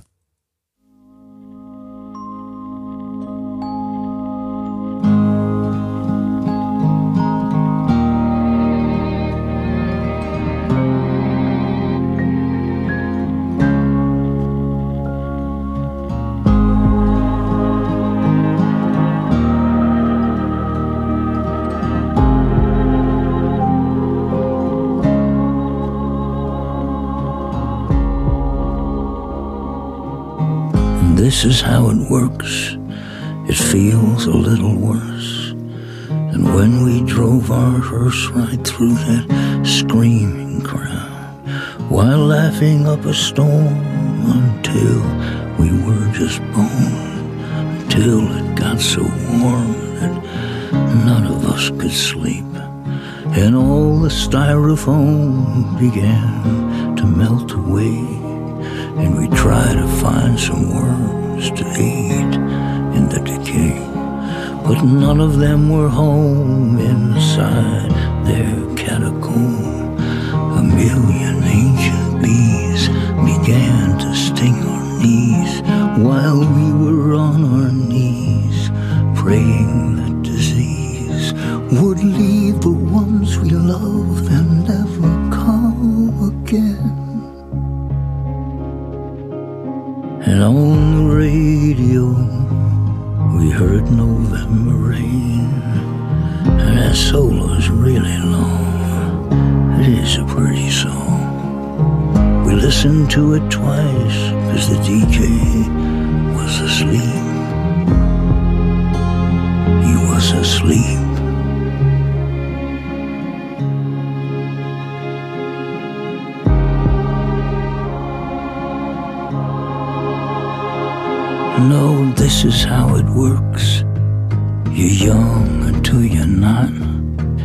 love until you don't, and you try until you can't.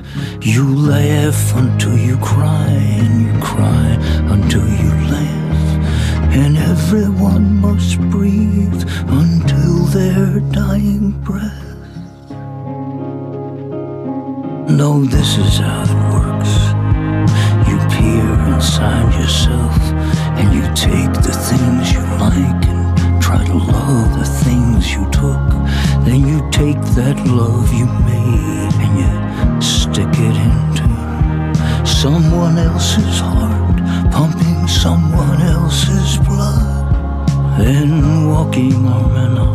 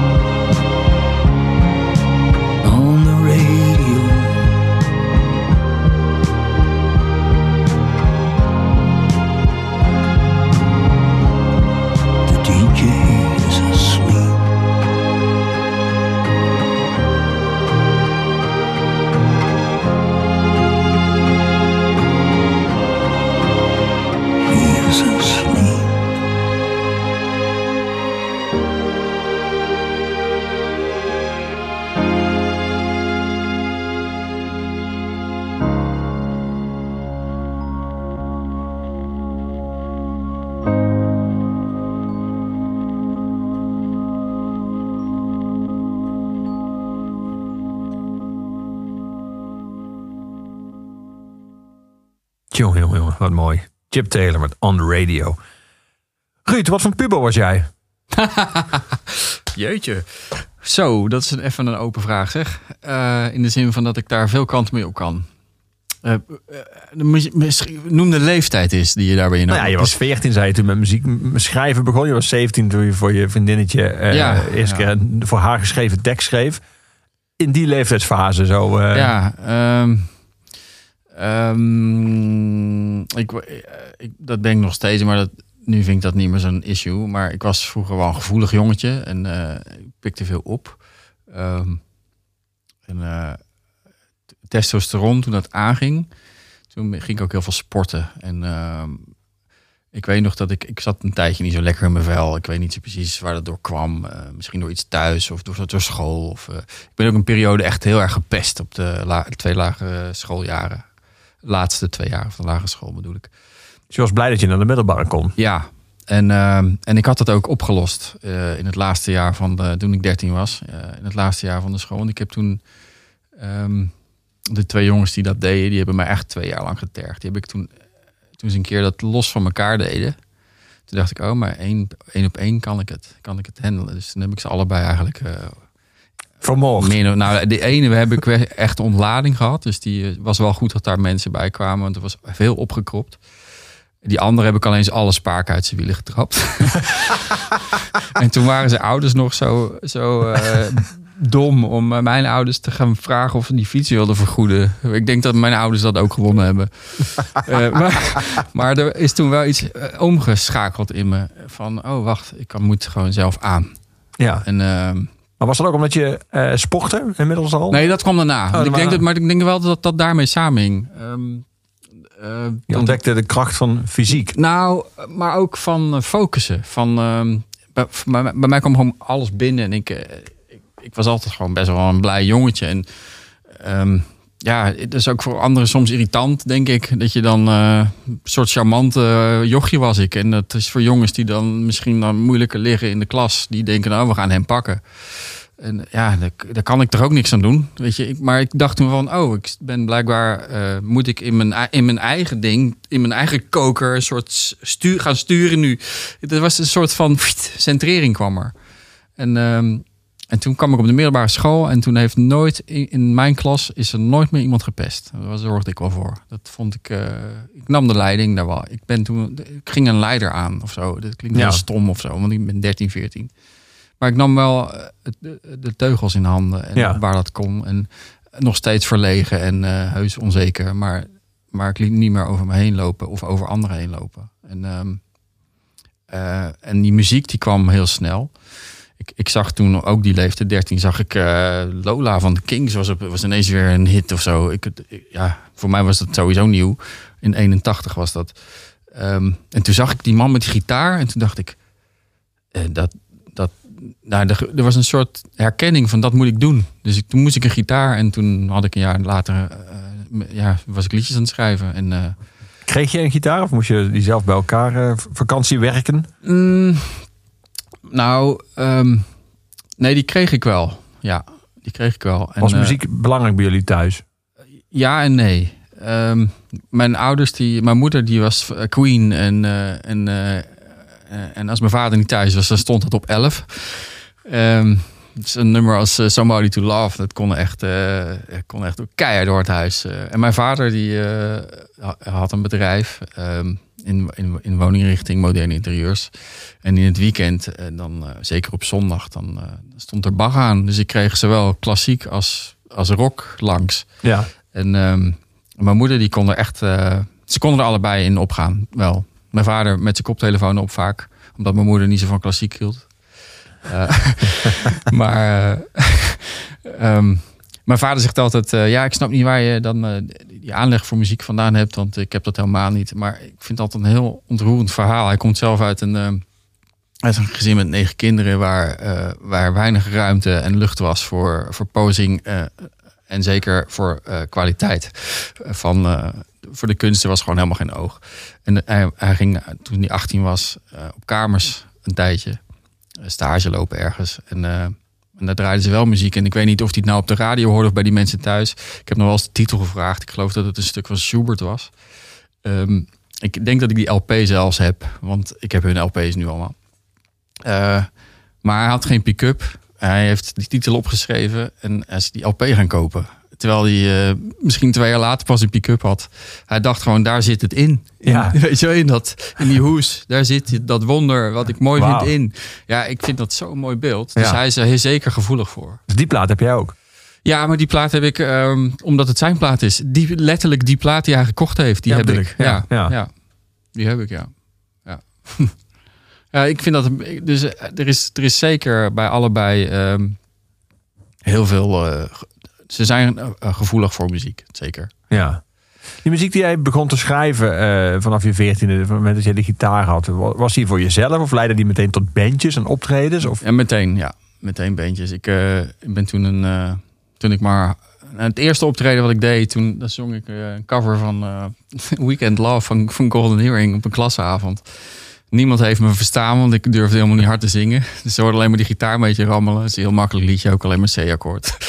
Eh, dus, eh, maar, en ik dacht ook, godverdomme, dat is uh, doodeng joh. Ik ben daar echt dood gegaan. Nogal vaker ook hoor, later. Dat kwam pas echt laat goed dat, dat, ik, eh, dat ik me comfortabel begon te voelen. later. Maar die een goede drummer. Dat is vrij cruciaal bij dat nummer. Nou, nee, ik was alleen. Dat was klasavond. Oh, je deed- ik oh, je was, ja, was, was, was, was ik 14. Dus eh, nee, met twee, met twee vriendjes om een, om, een, om een liedje, weet je wel. En, Ah, ja. dan, eh, en dan ging je weer eh, slow op, op de hit van die dag. en dan chips eten. En zo. Maar nee, het eerste bandje wat ik had was... ging ik naar, een, ging naar, een, naar de muziekwinkel in Alphen. En, en er was een prikbord. En, en ik dacht, ik wil in een beentje. Dus toen had ik een briefje opge opgehangen van eh, gezocht. Of aangeboden gitarist eh, die in een beentje wil. En ik sta af te rekenen, pakje snaren gekocht of zo. En ik word gelijk op mijn schouder getikt. Hé, ik eh, zie jouw briefje hangen. Dus gewoon op de dag zelf kwam die bassist. En, nou, die kende dan weer het, het broertje van zijn vriendin. Die jongen was dan een paar jaar ouder, die was 17. Broertje van zijn vriendin, die was net zo oud als ik. Martin Wardenaar is nog steeds eh, een van mijn beste vrienden. Die, eh, die drumde, dus we hadden ineens een beentje met z'n drietjes. En eh, ja, wonderlijk. Trouwens, er zat nog wel iets voor, maar dit is het leukste verhaal. Ja, Dus ja, is, en dat, dat heeft toch wel een jaar of vijf stand gehouden, ja. tof. Ja. Je noemde net 1981. En Als je- meteen eigen liedjes, sorry. Ja, meteen eigen liedjes. Dat heb ik me nooit... Alleen Weekend Lovers eigenlijk. Als, dat was op de klasavond. Maar vanaf dat ik een bandje speelde, altijd eigen repertoire. Altijd gedaan. Ik Maar weet als je de eerste keer gaat spelen, dan eh, moet je wel meteen behoorlijk wat eigen liedjes hebben. Meeste mensen vullen dat dan op met covers. Ja, nee, je begint met jammen. Ja, we hadden niet gelijk optredens. Dat begon, bedoel, dan ben je 15, joh. Dan eh, ben je helemaal nog niet, denk je helemaal nog niet van. als je twee keer optreden per jaar, dat is al echt zo'n enorme berg die je moet beklimmen. en zo bijzonder. Dat, ja, nee, de eerste optredens, dat, dat ja, was ik 15, 16, 17. Zo begon dat een beetje. ja. En, eh, en, en we heb ik ook wel eens wat coverbandjes gedaan trouwens. Maar er zat altijd eigen werk in. Ik was altijd bezig met eigen werk. Altijd. En je, gaat, je oren gaan er ook naar staan. Je, gaat merken van, hey, ehm, de drummer die doet dat. En de bas doet dat. En wat is mijn functie dan? Oh, en, eh, en later bij Cloud Machine heb ik daar ook ongelooflijk veel van geleerd. Ook van die muzikanten heel veel geleerd. Ik heb zelf geen conservatoriumachtergrond. Ik heb kunstacademie gedaan. Ik durfde niet naar het conservatorium. En ik dacht ook ehm, dat ik daar niet hoorde. Ehm, achteraf vind ik het wel jammer omdat ik niet goed kan eh, noteren. Dat ben ik nog een beetje aan het inhalen. Ehm, maar ehm, als je met andere muzikanten speelt, dan doet dat heel veel voor je. Ehm, als, je als je een schrijfhoofd hebt, als je dingen wil maken. Eh, Je leert daardoor de functie en, en de rollen van. eh, ja, en de frequentie bereiken van dingen, weet je wel. Eh, als die piano. Ik heb Queen bijvoorbeeld, dat is drie Ja. minuten binnen. Dus of piano of een gitaarliedje. Dus nooit allebei bijna. Er zit in, eh, in Bohemian Rhapsody er wel, maar de hoofdbegeleiding van Bohemian Rhapsody is piano. Dat is eigenlijk de begeleiding onder de zang. En de gitaar die speelt eigenlijk een soort de, de kleuren erbij. Ehm, maar het is nooit een slagje dan, weet je. Dus zij, zij kozen daarvoor, omdat het anders te veel in de weg gaat zitten van het bereik van de, van de stem. eh. het zijn keuzes die, ja, dat zijn dingen die je leert door per ongeluk eh, invallen te krijgen en denken, oh, dat werkt zo. En ja. op het conservatorium had het misschien in een boek gestaan, was het iets sneller gegaan. maar eh, ja, dit vat was ook goed. ja. Ja. Maar eh, ik kan me voorstellen, als je 15, 16 bent, die gaan een beetje optreden. Dat je, heel veel mensen gaan ook covers spelen, omdat ze merken dat dat, als je voor publiek speelt, dat jouw nummers niet kent. En dat is zoals je ze net Ja, zeker. hebt, Ja. Dat die ene, dat ene nummer dat ze wel kennen, dat daar in ieder geval een soort van... Ja. ah, dus die verleiding heb je dus nooit gevoeld. Nee, misschien had iemand daar, me daarop moeten wijzen dat dat eh, misschien toch slim was geweest. Maar dat, nee. Ja, misschien niet. Dan was je nu coverartiest, dan had je niet eh ja, nummers met een miljoen streams. Ja. Misschien, maar nee, maar dat heeft me eigenlijk nooit zo. eh, nee. Dus heel, dat is eigenlijk nu voor het eerst. Serieus, dat ik daar echt van denk: van ja, dat had gewoon een andere ke- ke- ke- keuze kunnen zijn. Maar ik heb altijd gedacht: ik moet iets maken. Ja. Geen- was geen twijfel mogelijk. We gaan muziek draaien, eh Ruud. Eh, muziek die uitkwam in 1988. Dat was dus het eind van jouw puber. Dat was zeven jaar nadat je in 1981 eh, eh, de Kings hoorde. Ja. Toen kwam het album Spirit of Eden uit Oh, van, ja, van ja, Tok Eh, wat, wat voor rol had dat in jouw leven? Wat voor functie had die plaat? Ja, er, was gewoon een, ging een, echt een deur of een raam eh, open. Ik weet niet of dat een uitdrukking is, maar dat, dat gevoel was. eh, Voor mij muzikaal was het een soort van: hè? Dus ik kan ook, joh. Weet je, ik was, ja, maar ik, was, ik ging gitaar spelen in de tijd dat eh, op het laatste stukje van de gitaarhelden. Dus ehm, al mijn puberende, meepuberende vriendjes die ook gitaar speelden. Wij, wij speelden Eddie Van Halen na. En ehm, weet je wel, je wilde die solo's kunnen. En, en Brian May en noem het allemaal op. En het was natuurlijk allemaal best wel een beetje gezwollen eh, testosteron eh, Ja. energie. En ook best wel ingewikkeld om Eruption van Van Halen even na te Zeker. spelen. Ja, maar ja, met dat tap heb ik ook allemaal wel uitgevogeld. Maar, maar ineens kwam er... Kijk, dat is toch ook je instrument leren beheersen. En het is gewoon een soort curve die je maakt. En, ehm, en ook je, in de interesses die je op die leeftijd hebt. Maar ineens kwam, ik, kwam die plaat uit. En toen, toen was alles wat je op een gitaar kon doen... Technisch was totaal niet interessant meer. Dit, was, dit waren ehm, impressionistische st- st- streken met een penseel, weet je. En, eh, het was sfeer. En, en die sfeer, die, die, daarmee werd een hele wereld eh, geschapen. En eh, ehm, ja, dat, ik deprimeerde me ook wel hoor. Ik kreeg echt een knaaggevoel van, van, die, van die muziek. Want die plaat, als je die echt luistert, dan... eh, en je, je kunt er niet omheen als je er gevoelig voor bent. Dan word je gewoon in die muziek gezogen. En ik vond het, ik vond het hard werken, maar, maar toen dat, zeg maar om het, ehm, hij heeft me nooit meer losgelaten. Nee. Het is net zo, ja. Weet je, als ik hem ook nog wel eens opzet, ik zet hem pas nog op met een muzikant, die zei ook meteen, "Wel, wat is dit voor, wat is dit? En toen, oh ja, dat is dat. Weet je, er zit gewoon iets in. Er is, er is iets magisch gevangen. En hij is, hij is overleden, Ja. twee of drie jaar geleden. al. Ja, klopt. Ja. Mark Hollis. En ehm, die gitarist vond ik ook geweldig. En die leeft nog wel, maar die heeft enorme tinnitus.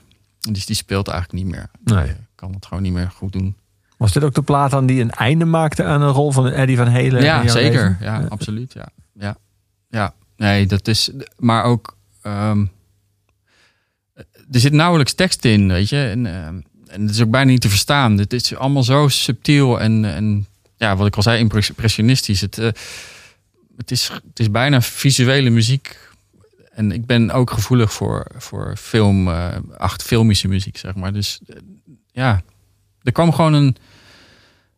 De, kunsten kwamen er ineens bij. Weet je, bij de, testo, de testosteron, dat spoor, dat was wel klaar. En in één keer ging, gebeurde er iets. En nou ja, Eden van Talk Dog van het album Spirit of Eden uit 1988.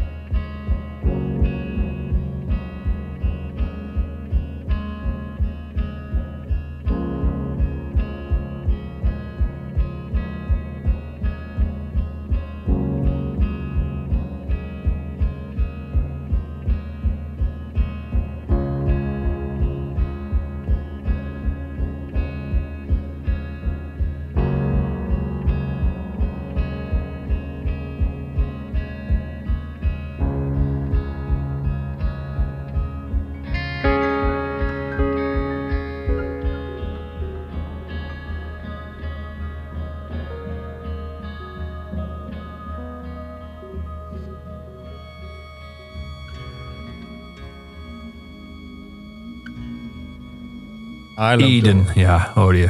Van eh, het album Spirit of Eden van Talk Talk. Hij loopt door in het nummer Desire, maar die ga ik langzaam wegveden. Ja. Ja, ja. Maakt hij nog steeds indruk als je hem draait? Ja, ja, hij is onveranderd. Ja. Maar het, het dwingt stilte af. Of zo. Een totaal soort... Die muziek neemt gewoon de boel over of de ruimte over als ik dat hoor. Je noemde het wat fi- filmies, ehm, wat zeker geldt voor Talk Talk. Eh, maar jij, jij maakt zelf ook filmmuziek. Ja, en dat is... Ja. Ehm, hoe, hoe werkt dat? Als jij bijvoorbeeld voor nu zo'n serie waar je muziek voor maakt, eh, voor de NTR, of zoals je hebt gedaan voor de serie De Gouden Eeuw, ehm, krijg je dan scènes aangeleverd en wordt gezegd, nou hier tussen deze dialoog en die voice-over moet 38 seconden muziek komen. Dat gebeurt. Ja, dat gebeurt. Maar ehm, met televisieprogramma's die veel afleveringen hebben, heb je vaak te maken met eh, veel regisseurs en een heel eh, ehm, een lang tijdspad. En wat ik zelf vaak doe, eh, de keren dat ik dat kan doen, ehm, is, is een, een soort. Ik lees zeg maar eh, wat de bedoeling van de serie is. En dan denk ik, oh ja, ehm, ik, moet een, ik, moet een, ik moet toch een kapstok hebben om vanuit het startpunt om te denken. Dus ehm, nou, ehm, bij, eh, bij de serie die, die ik nu aan het doen ben, eh, dacht ik het Binnenhof. Maar het begint in de 12e eeuw of 13e eeuw. En het loopt tot en met nu.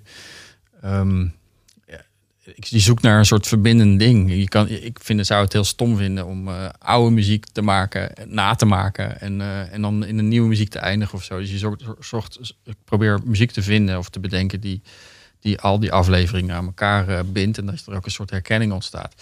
Ehm, dus ik dacht, Herauten, die, die weet je wel vroeger. Dus ik heb iets met trompetjes gedaan, maar heel simpel. een, een soort basisidee. Maar daar, door de, de manier van spelen van die trompetten heb ik. Dat, dat gebruik ik dan weer om met andere instrumenten iets te doen. En zo dan krijg ik een soort concept. En, en dan maak ik een aantal thema's. En die doe ik in ehm, eh, per thema en bijvoorbeeld in drie verschillende arrangementen. Dus één met orkest en eentje met, eh, met alleen een gitaar en een eh, altviool. En eentje met twee saxofoons en een accordeon, weet je wel. Maar dat zijn eigenlijk dezelfde stukjes muziek, alleen met een hele andere sfeer. Maar omdat je die melodie als luisteraar of kijker gaat herkennen... ehm, en ze per serie dan eigenlijk een beetje kunnen kiezen van... nou, gebruiken dat of dat... ehm, krijg je, hoop ik, een beetje eh, verbinding eh, Ja, ja. qua muziek. En ehm, vaak moet je toch... Kijk, eh, regisseurs vinden het ook fijn als ze ehm, eh, op muziek kunnen editen. Dus een soort beginnetje al maken is heel slim. Voor hun is het fijn en voor mij is het ook fijn, want ik kan al een klein beetje proeven of de toon die ik wil raken, of die past bij wat zij ermee voor ogen hebben. Ehm, en, dan, en dan vul je eigenlijk gaandeweg eh, met dat, die afleveringen, dat wordt, dat wordt ook gefaseerd, wordt dat geëdit. Eh, dan zie je vanzelf de plekken waar ze echt nog een vraag hebben. Van nou, hier gebeurt iets. Dat is zo eh, specifiek voor deze aflevering. Daar moet je echt iets voor maken. En dan probeer ik dat te maken. Het is heel leuk om te doen. Het is Ja. echt heel leuk om te doen. ja, het, eh, en dan krijg ik wel echt de scène ook gestuurd.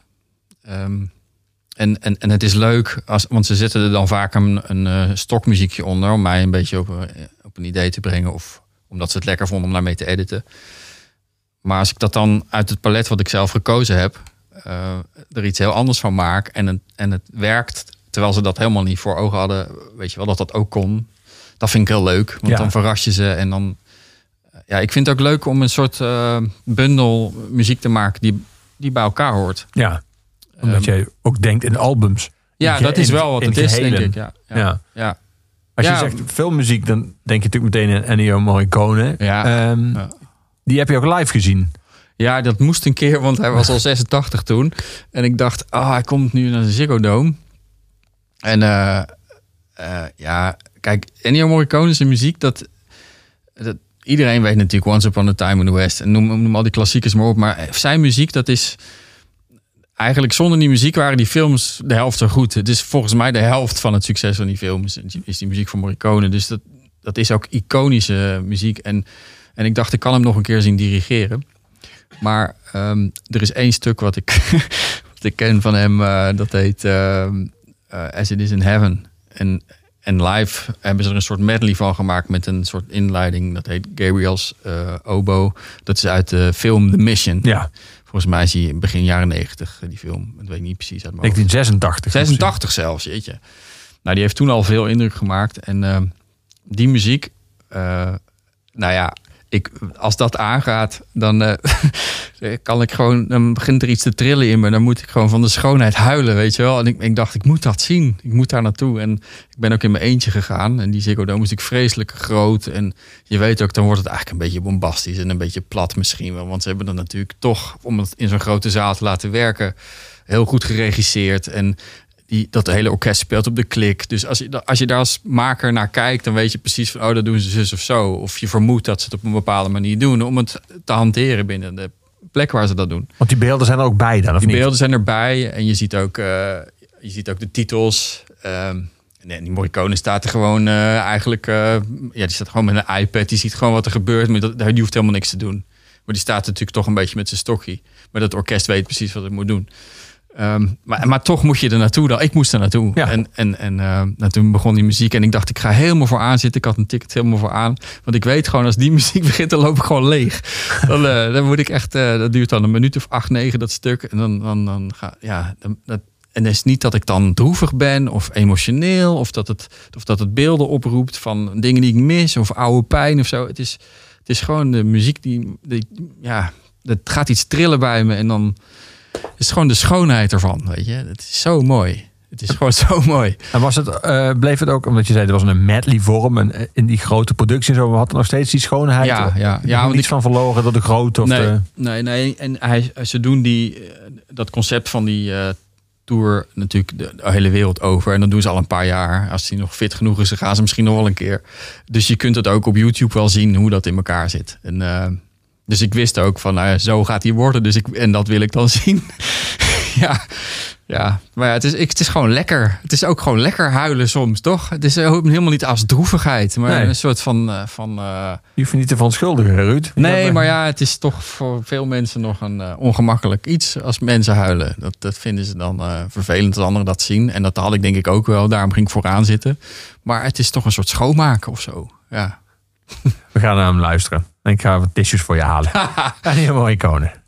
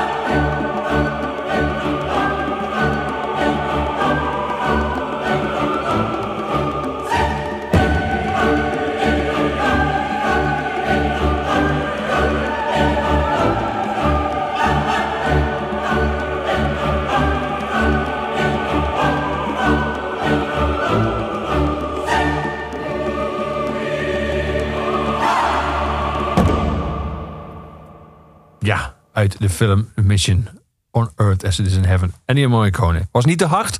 Toen ben je er heel voor. Je zat op rij 1 in de Ziggo Dome. Nee, is mooi. Is mooi, ja. Ja, nee, en, eh, en, nu, en nu zitten we natuurlijk in de radiostudio. Dus, Ja, maar ook live bedoel ik. In de Ziggo. Was het daar niet... eh, Oh, pardon. Ja. Ehm, nee, daar was het niet te hard. Nee, nee, nee, nee, nee, nee zeker niet. Oké. Nee. Je hebt je eerste Nederlandstalige tekst af. Yes, Dus nog maar 11 te gaan. Dan heb je een album. ja. Ehm, Dat is het idee. Ja. En, en ook daarvoor is de coronatijd eigenlijk heel gunstig. Want je vroeg hoe ik die tijd doorkwam aan het begin. ja. En ehm, dat is dus die eh, muziekmaker voor die serie. Maar dat is ook ehm, echt wel die proberen dat album te schrijven voordat het jaar om is. Dat is wel echt mijn streven. Ja. Ik heb vorig jaar heel weinig kunnen doen. Omdat ik een boek gemaakt heb eh, met mijn vader samen over eh, de familiegeschiedenis en het bedrijf wat, wat mijn opa begonnen is en mijn, eh, mijn vader heeft voortgezet en, en uitgebouwd. En dat moest, dat boek moest gewoon daar komen. En, ehm, maar ik kan niet eh, iets half, dus ik heb me daar echt, eh, echt maanden in vastgebeten. En nu, nu is het ook dat? echt fijn om weer. Schrijven zonder muziek. Nou, hij schrijft de tekst. Hij schreef de tekst. Hij heeft vier jaar echt stadsarchieven, alles. Echt, echt best wel indrukwekkend wat hij allemaal verzet heeft. Ik heb het alleen. Ik ben opgeleid eigenlijk als, als grafisch ontwerper. ja. En het is eigenlijk een vak waar ik eh, wat ik handig vind om eh, voor de bijverdiensten. Maar mijn hart ligt er niet. Dus ik moest mezelf echt. eh, ik vond het niet makkelijk. Maar er zit heel veel liefde in een boek van hem en ook van mij en naar hem. Dus het was goed om te doen. Het heb je helemaal niet bemoeid met de tekst. Nee, alleen ehm, incidenteel ehm, een kop veranderd. Of gedacht, hé, hey, er zijn wel heel veel paragraafjes, dan loopt het niet meer. We moeten daar één stuk van maken of zo, weet je wel. Maar dat is dan puur visueel, dat, eh, dat je het makkelijk leest. Ja. Ja, ik had het wel voor je mee kunnen nemen. En dan had je er beeld bij gehad. Maar goed, ik heb dat niet. Nee, en het was leuk. Het is ook heel gaaf dat dat boek een eh, lokaal een bestseller is geworden. Want het was een, een bekende winkel in, eh in Alphen aan de Rijn, waar ik oorspronkelijk vandaan kom. Ja. En ehm, we hadden een oplage van, van 400 of 500 en die is nu nagenoeg weg. Er zijn er nog 10 of zo over. Dus is heel leuk. Is echt gewoon leuk dat hij dat ook nog eh, met succes. eh, mijn vader is inmiddels eh, 81.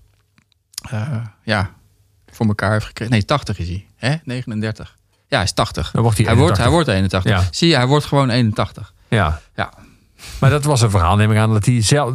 ik neem aan dat hij niet van tevoren bevroedde dat dat ook lokaal een commercieel succes worden. Dat klinkt een beetje een verhaal dat hij gewoon nog één keer in zijn leven wilde uitzoeken en opschrijven. Ja, hij wilde het, vooral, hij wilde het eigenlijk vooral vastleggen voor de Ja. familie. Want eh, ja, het is gewoon ehm, een, een tijdsbeeld. En, en ehm, mijn vader werd ook ziek. Dus die eh, was ook bezig met... eh, mijn vader is gewoon een ongelooflijk georganiseerde...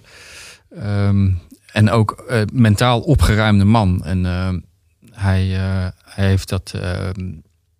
ja, hij heeft, het, hij heeft het voor het nageslag willen doen. Hij komt uit een nest, ik geloof dat ik dat al eerder zei, van negen kinderen. Ja. En dat heeft natuurlijk ook allemaal weer nageslag gekregen. Dus er zijn heel veel neefjes en nichtjes. En, en heel veel mensen die weten eigenlijk de details niet van het, van het gezin. En ook hoe kort geleden het nog maar is dat...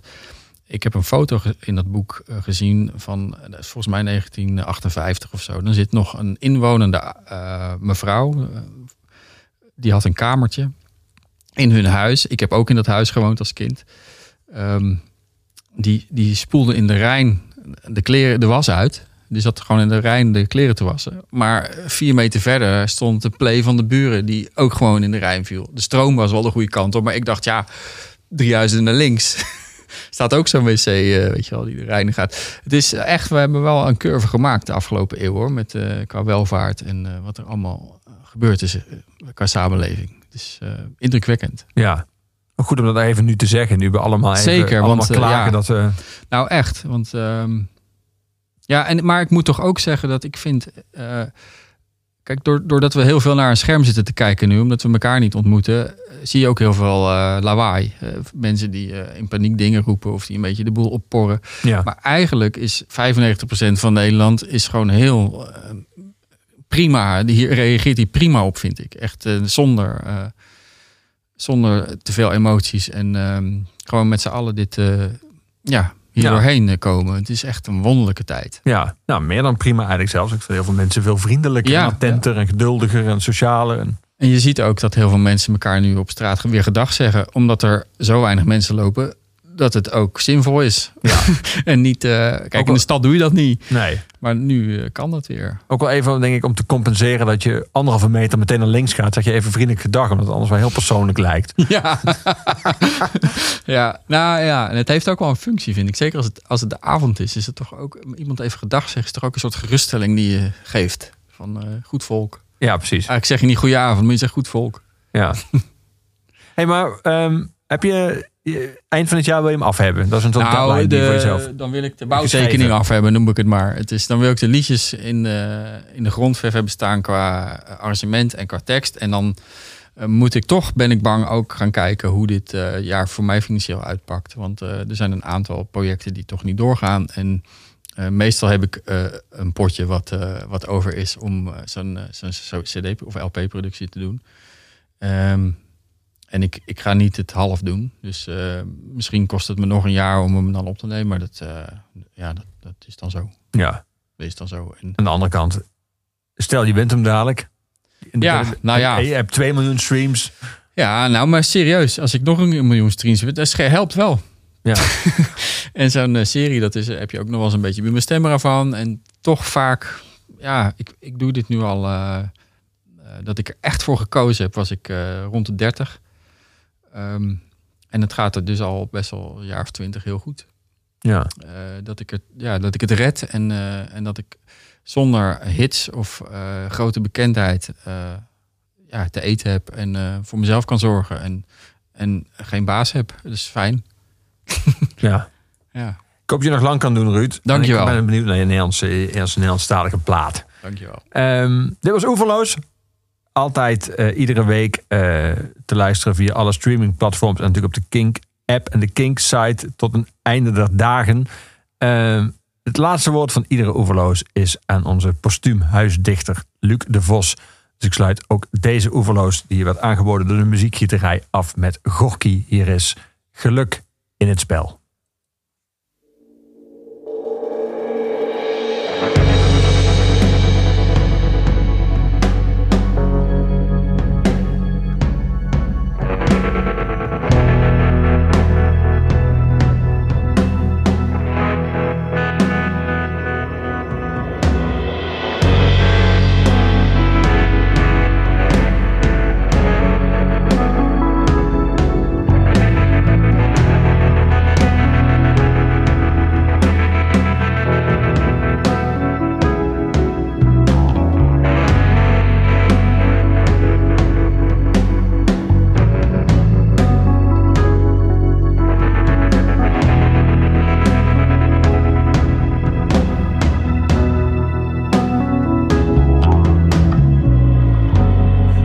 Ik zat